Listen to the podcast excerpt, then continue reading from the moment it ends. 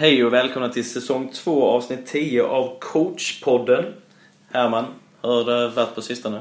Jo, det har varit bra tycker jag. Jag har haft bra träningar och bra eh, matcher inför seriestart. Jean Robledo gillar ju inte att vi kallar det genrep för att eh, egentligen är ju alla matcher och träningar ett genrep i så fall. Så är det ju. Det är skönt med lite seriestart nu och eh, man märker det runt om i landet att eh, det är positivt i fotbollsfamiljen. Precis. Idag eh, ska vi faktiskt prata lite om eh, taktik då och nu och vi har faktiskt en gäst med oss. En gäst som vi båda känner ganska väl. Anders Lindroth, välkommen. Tackar, tackar. Eh, som vanligt så inleder vi en liten prestation av gästen med en liten faktaruta. Anders, hur gammal är du? 66 år. Vad har du för utbildning? Jag har en fritidspedagogutbildning i grunden. Och eh, har väl knappast jobbat med det egentligen. Fotbollsmässig utbildning? Ja, det har jag. Eh, gamla steg 4 plus att jag har gått igenom så jag har fått provlicensen också. Din huvudsakliga sysselsättning? Det är att vara fotbollstränare. Mm. Härligt. Vilket lag är du i nu? Det vet ju jag visserligen. Ja, det är jag. Nu är jag i Lörby IF, deras damlag. Mm. Familj? Eh, hustru och två barn. Eh, vad läser du helst? Har du något boktips till oss? Jag läser väldigt lite. Läser jag så läser jag facklitteratur och det är fotboll i så Mm. fall. Det brukar vara det svaret vi får av våra gäster. Och till sist Anders, vilket är ditt favoritlag? Det är naturligtvis Lörby IF då. Fantastiskt att höra.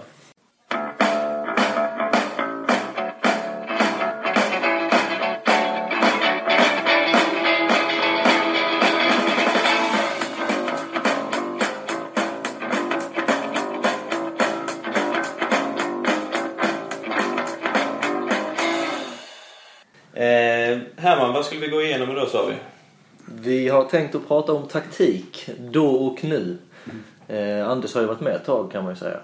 Absolut. Eh, om vi gör så här, vi startar lite så här, Anders. Kan du berätta lite mer vem du är och vad du har gjort i ditt liv inom fotbollen då? Ja, jag startade eh, egentligen i ett lag som heter Näsby IF i Kristianstad när jag var väldigt, väldigt ung, 6-7 år. Så flyttade jag till Helsingborg och där blev det Statena IF första åren och debuterade där i A-laget när jag var 15. Vi gick upp i division 3. Jag spelade, samtidigt gick jag till HIF, Helsingborgs IF då. När jag var, var 17 och sen eh, debuterade jag i Allsvenskan när jag var 18 och eh, med Helsingborg och spelade där i tre år. Flyttade sen till Växjö och spelade sju år i Öster. Eh, Sista året där så gick det väl ganska bra så att Olympic Marseille var och tittade på mig i en sån här tipscupmatch som fanns förr. Så att jag eh, skrev på och blev proffs nere i Marseille i tre år. Och sen var det tid att flytta hemåt och då hörde Mjällby av sig. Sen blev det Mjällby i två år. Där jag egentligen bara spelade ett halvår eftersom jag fick korsbandet fördärvat och sen blev det inte mer spel i Mjällby. Och eh, började fundera på medan jag ändå rehabiliterade mitt knä på att eh, känna mig för som tränare. Och eh, gjorde det då i Näsby som jag en gång hade startat i. Eftersom jag hade en morbror som var ordförande där så frågade han om jag ville ta hand om träningen och då sa jag det kan jag prova på och se om jag passar som tränare. Var där i tre år i Näsby, spelande tränare. Spelade libero så man stod där bak och dirigerade alla de andra och bara tog bollarna som blev över. Eh, sen eh, blev det då Mjällby igen som huvudtränare fem år. Och sen blev det IFK Hässleholm fem år. Och sen började vi flytta på oss för jag bodde kvar i Hällevik eh, under både Mjällbytiden och Hässleholmstiden och pendlade. Så blev det Borås, Elfsborg i tre år. Och sen blev det fyra år i Norge, Stabäck. Flyttade hem igen och så blev det fem år i Hammarby. Och sen var det Viborg i Danmark två år. Och så Landskrona två år. Och sen tillbaka till Mjällby igen. Och flyttade tillbaka ner mot Hällevik. Har du varit med om mycket? Ja, det har varit en del. Jag har flyttat 14 gånger, jag och min hustru ungefär. Eh, om vi då går in lite på huvudsakliga temat då. Har du känt, eh, en ren generell fråga, hur har taktiken från det du blev tränare i Näsby eh, i Kristianstadsområdet till idag, har du känt att du har blivit influerad av mycket eller hur har den svenska taktiska tankegången ändrats? Ja, det har väl blivit eh, förändringar från att eh, när jag spelade i Helsingborg då, 68, så var det ju mer eh, ren markeringsspel över hela planen egentligen Ja. För att sen när, eh, när de här engelsmännen, eh, Bob Houghton och Roy Hudson kom hit, eh, det blev mer zonspel på eh, ett annat sätt och eh, väldigt många, alla svenska lag i stort sett anammade det och gick över till att zonspela.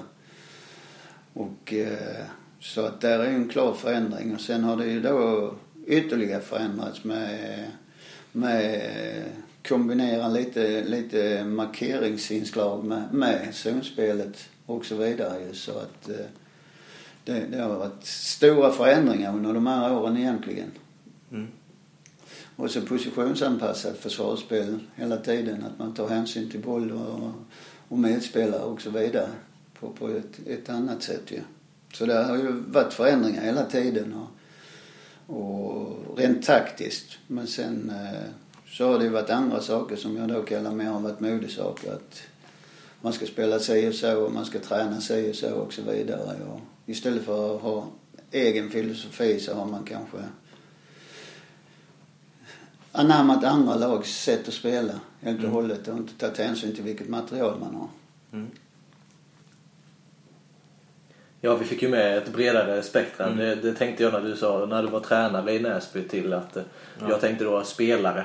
Ja, Eh, Ja, du tillhörde ju en... eh, Öster var ju ett eh, väldigt framgångsrikt lag när du spelade där. Ja, det var vi. Vi var med i toppen. I och för sig var jag var ju just då eh, åren mellan deras guldmedaljer så att eh, Men jag har en massa stora silver, små silver och brons. För vi var ofta, det var ju i stort sett Malmö FF som hade prenumererat på, på seriesegern. Mm.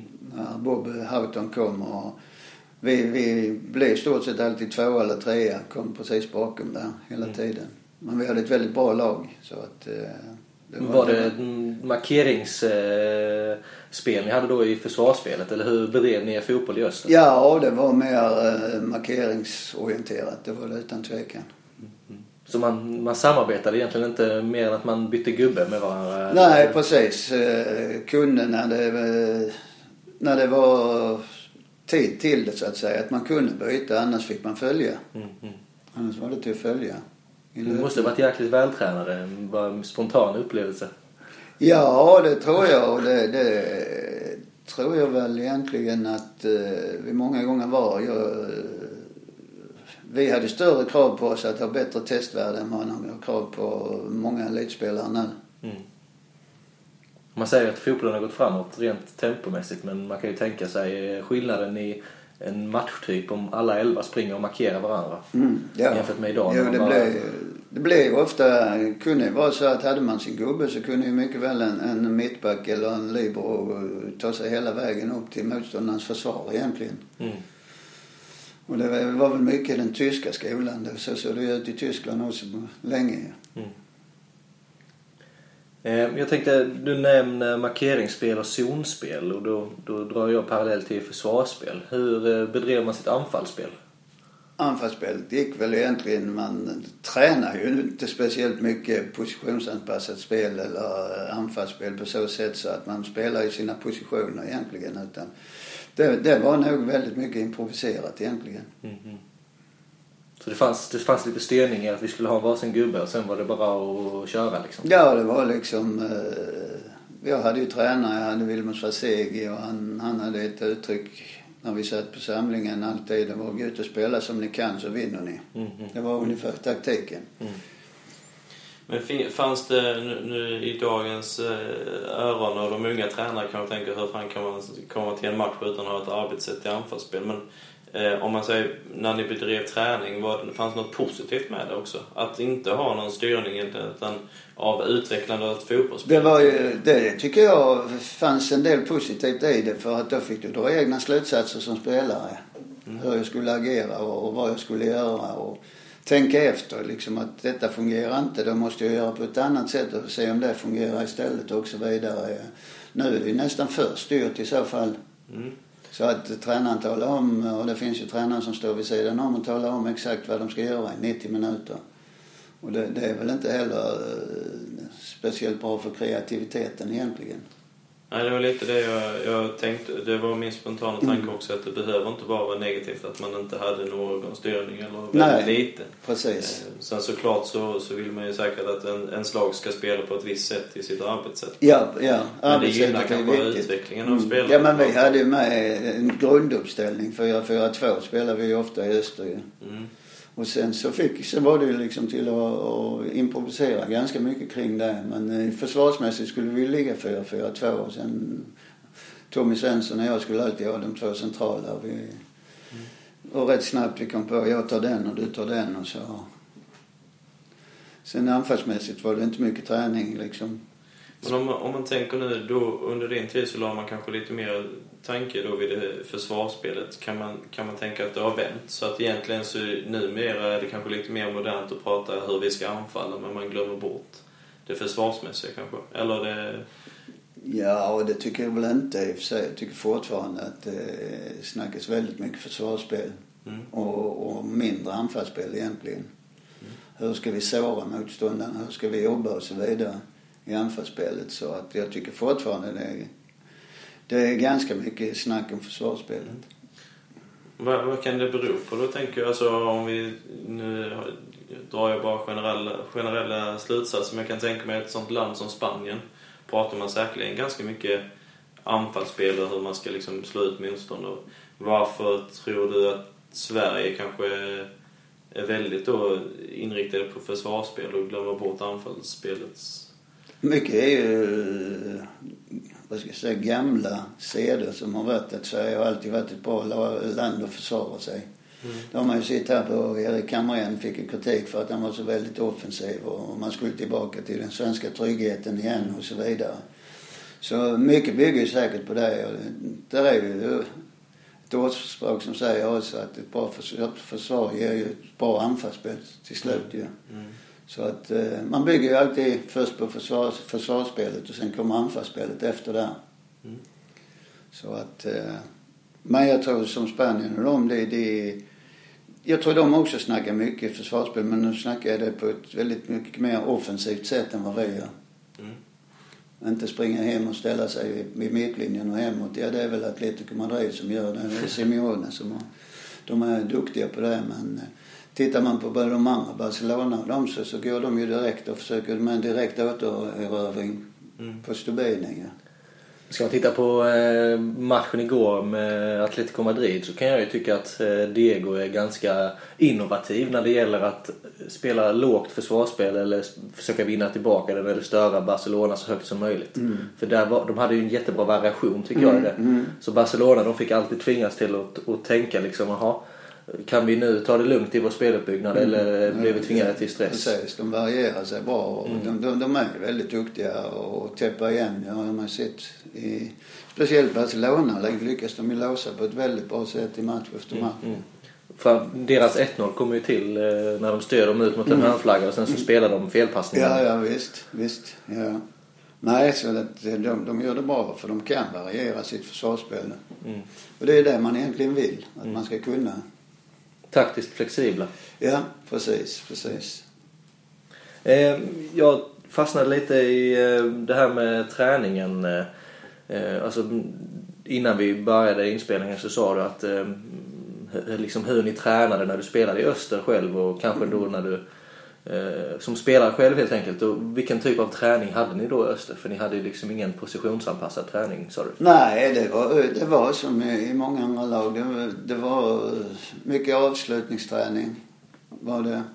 Eh, mycket spelövningar, men eh, liksom inte i positioner utan eh, sex mot sex och i olika former. Och, klart någon gång var det 11-11 spel och då, då spelar man ju i sin position men det var inte ofta utan det, det, var, det var mycket den typen. Sen så sprang man ju väldigt mycket mer utan boll på den tiden än, än vad man gör nu ju.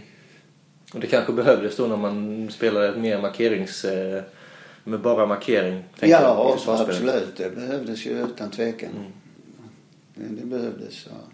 Men jag tänker då eh, förändringen från att du spelade själv till att Roy och Bob eh, Horton kom till eh, Sverige och sen när du själv blev tränare. Hur bedrev du träningen när du blev tränare då för Näsby?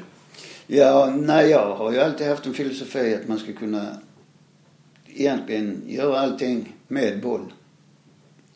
Och det har jag försökt lite olika men ibland insett att det kanske är framförallt i elitlagen när man tränar i stort sett varje dag och kanske ska bryta med och göra en, inte ha bollen med utan göra några löpningar istället och, och löpa lite. Men annars har jag ju med boll så mycket som möjligt i, i det mesta. Ja. Men om man tänker att du säger att du har boll med. Hade man inte det på din tid i Öster? I träningen? Nej, man sprang väldigt mycket. Ja. Jag hade tränat eh, Olle Gustafsson, den gamle mittbacken som spelade VM 58. Hade jag. Och han, eh, där sprang vi land. Gunnar Nordahl hade vi med, sprang vi landsväg. Mhm. Gunnar Nordahl var satt i sin folkvagn, körde på tvåan och när han tutade skulle vi göra ett ryck. Och sen, ja. Jolle var precis tvärtom. Han var först, eh, sprang med och så gick han upp i täten och sen så backade han ner längst bak och skjutsade på dem lite att ni måste öka tempot och sen kom han igen. Han sprang värre än alla spelare. Ja. Så, men då var det mycket distanslöpning, långdistans i stort sett alltså. Mhm. Sju, åtta, upp till tio kilometer emellanåt. Och Jag hörde det här om veckan att eh, Jonas Tern med bedrev den typen av träning när han hade ungdomslag. Ja. Då åkte de till Italien och körde löpläger. Ja, ja, ja. Så det, det lever väl kvar lite, den här rena löpningen. Mm, ja, en del tror jag nog man kan ha i, kanske inte i, med ungdomar och, och så. Vi testade på läget här med våra tjejer och det var ju inte populärt. De har inte gjort det så mycket innan. Nej, precis. Det, det är som vi har diskuterat, eh, du och jag med här, med att det finns ju en annan aspekt utan det fysiska också. Eh, som jag tror eh, också på, det är ju den mentala biten, att man ska liksom pressa sig i sin kropp till att verkligen klara det. Eh, sen att om det överväger den fysiska tröttheten efter och etc. med alla de här variablerna, det, vill jag inte uttala mig om, men jag tror det finns ändå en mental aspekt i det, att man ska liksom pressa sig till att Sen på matchen till exempel känna jag är trött men jag kan jävlar ta den löpningen också för och det kan ju resultera i att man gör ett mål i slutet för att man har den där styrkan. Precis, precis. Verkligen Det- koppla på det sista när man är som tröttast. Förbättra aktionerna och antal aktioner om man nu ska prata som SVFF gör. Men om vi inte ska fastna i fysträningen, eller löpning med eller utan boll. eh, Då tänker jag det taktiska. Hur blev den taktiska träningen förändrad, Anders? Ja, den blev ju förändrad på så sätt att eh, dels så, så måste ju lagen kunna stå emot eh, Malmö och Halmstad som spelar på ett eh, väldigt annorlunda sätt än vad vi var vana vid ju. Och fick då mer eller mindre hitta eh, olika modeller för hur vi skulle klara av och, och, och möta dem. Och framförallt så fick vi ju då börja jobba med ett anfallsspel på, på eh, lite nytt sätt med betydligt mer vändningar i spelet eftersom de flyttade över hela laget till sidled och, och, och vår jätteyta på andra motsatt kant alltid och försöka eh, börja bygga och träna på sådana saker. Att få vändning i, snabba vändningar i spelet. Och det, vi lyckades väldigt bra i Öster för vi, slog nästan Malmö varje match och vi hade Tommy Eversson eh, ute på vänsterkanten som vi oftast hade cirkus med Roland Andersson på den kanten. Speciellt han kunde vi vända ut på och han, han kunde utmana. Han var dessutom snabbare än Roland. Så. Vi gjorde väldigt bra matcher mot dem. Men det, det var ju till liksom att och, och försöka hitta lite nya för att störa dem så mycket som möjligt. Och då ändras ju automatiskt vår taktik lite grann från, eh, från att eh, mer ha improviserat själva ute på plan så fick vi ju då börja spela mer, mer taktiskt och se till att få vändningar i spelet och, och, och utnyttja det så mycket som möjligt. Och då fick ni in det mer i träning med? Då, Då alltså- fick vi in det mer i träningen och, och jobba med den biten helt plötsligt. Ja, ja. ja spännande. Jag tänker eh, din resa som tränare själv. Eh, Du började i Näsby, vilket år var det? 82, 1982. Så jag antar att det har hänt en del grejer eh, i ditt eget tränarskap från 82 fram till idag. Ja, det har det ju hänt eh, väldigt mycket. Och, och från, eh, från början då när jag... Dels, dels så kanske man inte kan köra allting med boll precis. Men det har ju förändrats på så sätt att jag har eh, jobbat mycket mer med positionsanpassad träning. Mm. Och, och vill helst ha det i, i väldigt många övningar egentligen. Både uppvärmning och, och, och i, i resten av övningarna på träningen egentligen. Mm. Jag tror det, det ger en trygghet till spelaren om man får jobba väldigt mycket i sin position. Så det, där har det förändrats väldigt mycket. Och sen har det väl förändrats på så sätt att, eh, att eh, vad ska jag säga, rent spelmässigt har det förändrat lite grann från att vara kanske lite defensiva, lite mer svensk och, och bygga på första hand ett försvarsspel och sen kommer anfallsspelet så, så vill jag ha ett betydligt aggressivare och högre försvarsspel i lag som jag tränar. Mm. Ja, Stefan Ekstrand har ju sagt vid något tillfälle att du låg före din tid. Ja, det, kan hända. Det kan hända men eh, Jag tänker rent i det anfallsmässiga då eh, som tränare att du var mer offensivt lagd. Ja, det har ju alltid varit att eh, offensiven är ju egentligen, egentligen är det ju en hög defensiv som ger eh, chansen till en bättre offensiv tycker jag. Mm. Ju tidigare du vinner boll på plan ju närmare du till motståndarens mål. Mm. Vinner du utanför eget straffområde så har du 90 meter fram. Vinner du det runt mittlinjen så har du kanske eh, 40 med fram till avslutsläge. Mm. Men reflekterade du så i början av din karriär att eh, alltså det, det är något som har kommit under tiden? Att ja, men, du har tänkt ja, men det kanske är så här som, som är det bästa sättet? Eller när kom du till den insikten att ja, men vi kanske ska vinna mycket högre för att göra mål? Eller du hade den... Nej, det hade jag inte från början utan jag var väl lite eh, defensiva i tankarna då. Men eh, det har ju kommit efterhand och, och framförallt där så har ju de tankarna kommit att eh, ju närmare motståndarmålet du vinner boll ju snabbare kommer du till avslut. Eh,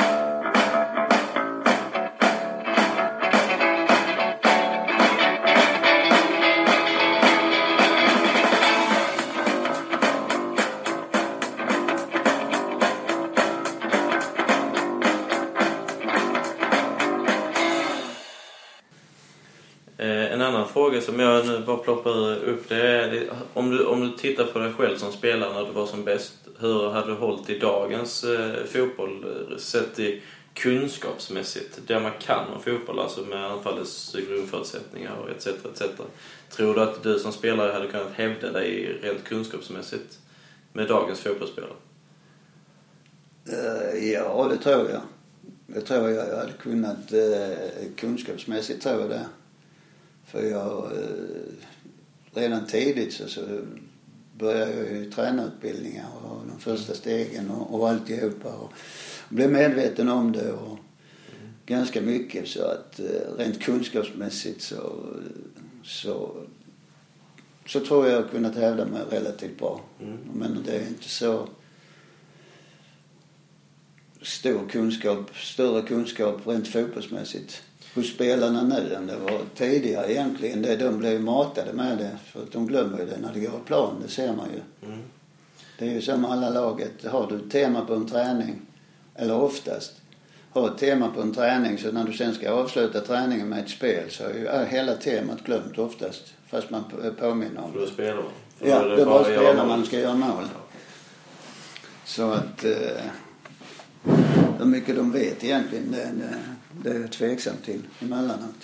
För det är lite det jag vill komma ihåg för att om man då jämför med tränarna du hade så kanske man ju nu i moderna tränare försöker påminna dem om och försöker lära ut rätt termer och etc. så Mm, de förstår. mm. Det kanske man inte gjorde så mycket på din tid. Nej, Då var det mer det- bara liksom att- Det var det bara liksom bara till spelare. Ja. Det var det så. Att, eh, visst får de höra mycket mer termer och sådana saker utan tvekan. Det får de göra ju. Sen, sen är det ju upp till var och en alltså.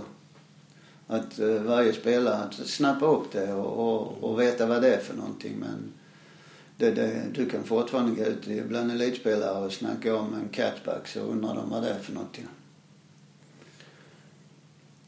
Snett inåt bakåt alltså. Ja, inte lyssnare som inte vet. Jag eh, fastnade lite i eh, det här med att ni fick ta mycket egna beslut då 70-talet kan man ju säga i, i både träning och match. Och, och egentligen så är det ju dit svenska fotbollsförbundet vill med den nya utbildningen. Att våra spelare, ungdomsspelare framförallt, ska få ta mycket mer beslut i träning. mm, mm. Så att jag kan ju känna att vi, vi på något sätt går tillbaka lite. Fast man kanske mer har en tanke kring vad man vill få ut av det. Ja, precis, precis. Det, det, det har de väl. Med, med det nya tänket här så, så, så har de en tanke dels att man ska springa mindre och springa, men man ska springa mer rätt. Mm. Hela tiden. Kanske vi löpte väldigt mycket men eh, många gånger kanske inte det var på rätt sätt egentligen.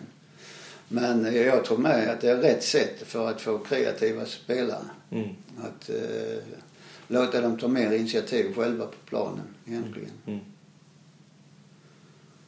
Ja, man kan ju ha en ram att förhålla sig till men sen att man, man släpper det friare liksom efterhand när Ja. man har lärt sig en grundsätt. Precis. Du har, du har ju en ram i, i eh, arbetssättet så att Ja, säga. ja. Eh, Både försvarsmässigt och, och, och anfallsmässigt. Och sen så är det upp till spelarna. Mm. Det behöver inte vara standard alltid att det ska vara så och, och så. Utan eh, löser de bara det på ett bra sätt så får de göra det hur de vill egentligen. Mm.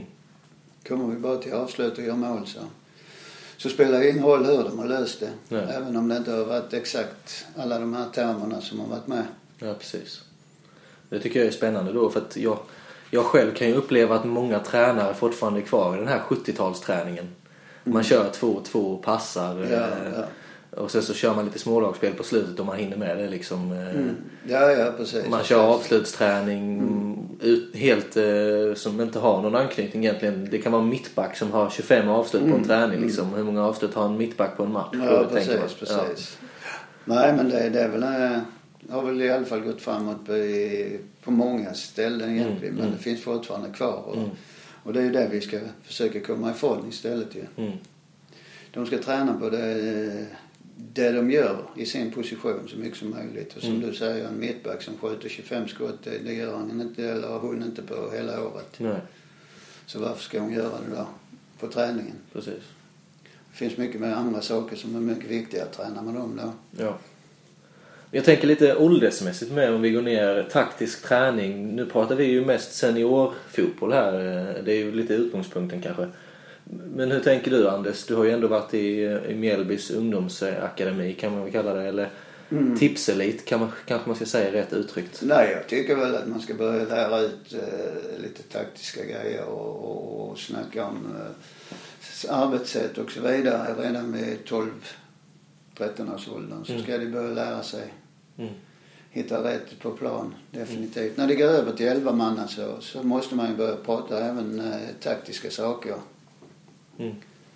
Och jag tänker ju en, en passningsövning när man är i den positionen man brukar vara i. Då får man ju rätt vinklar, man får rätt Mm, avstånd och så vidare. Absolut, absolut får man det. Och det, det sen är det upp till tränaren att att bara påpeka och, och liksom visa dem att Mm. Vill man inte ha en sidledspassning utan man vill ha vinklar framåt eller bakåt på det så, så, så gäller det ju liksom att, att, att försöka lära ut det till dem. Mm. Så tidigt som möjligt. Mm. Ja.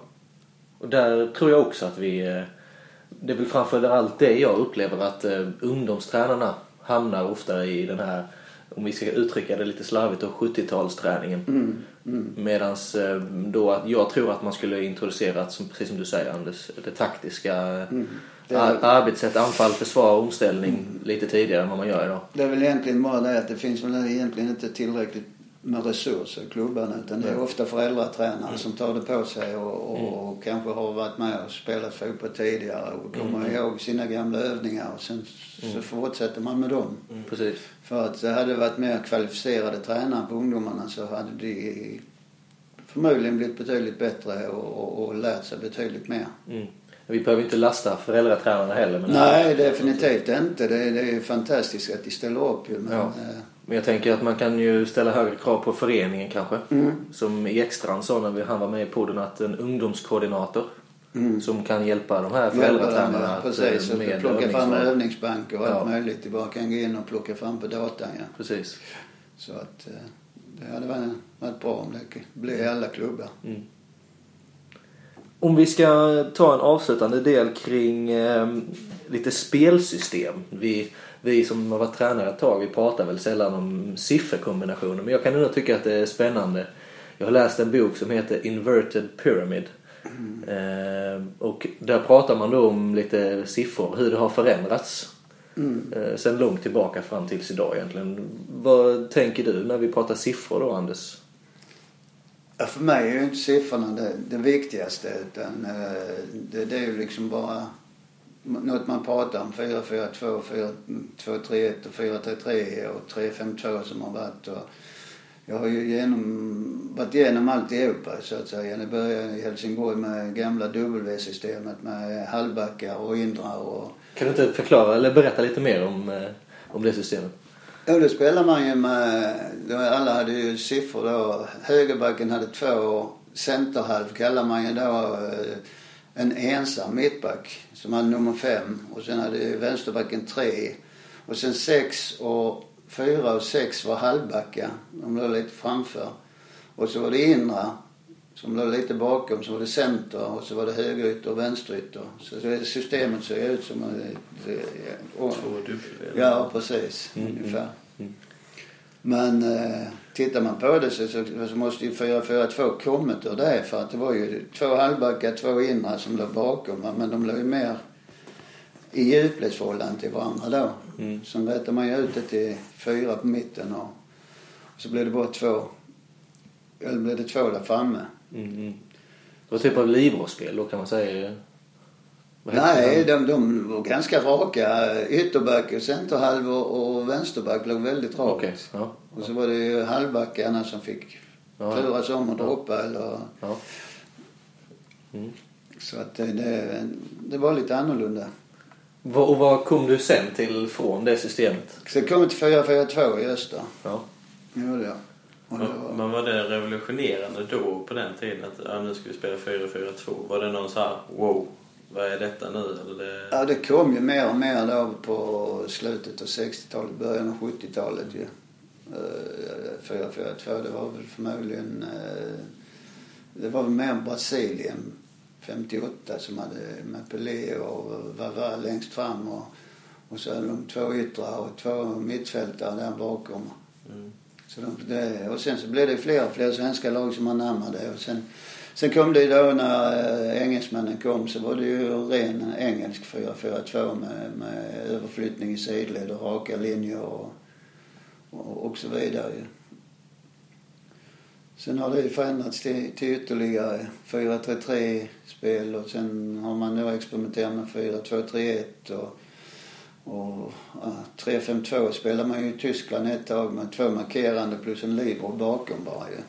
Var det på Beckenbauers tid då? Ja, Beckenbauer spelade ju libero ju. Och så hade han ju två markerande och eftersom andra laget ofta hade två för att spela 4-4-2 så var de ju rena. De spelade ju man-man mot varsin där ju. Så att eh, det har varit stora förändringar. Men eh, siffrorna betyder ju ingenting utan det är ju hur man utfyller planen och utnyttjar ytorna på plan som, som är avgörande egentligen. Mm. Absolut.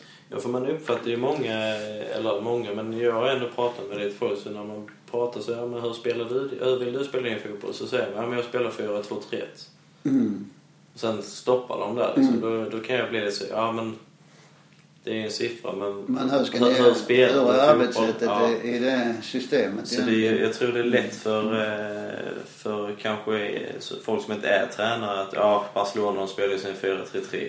Ja, man kan ju spela 4-3-3 på så oerhört många ja, olika sätt. Så, eh, men ändå är det intressant med de här kombinationerna och hur man utnyttjar dem på bästa sätt också.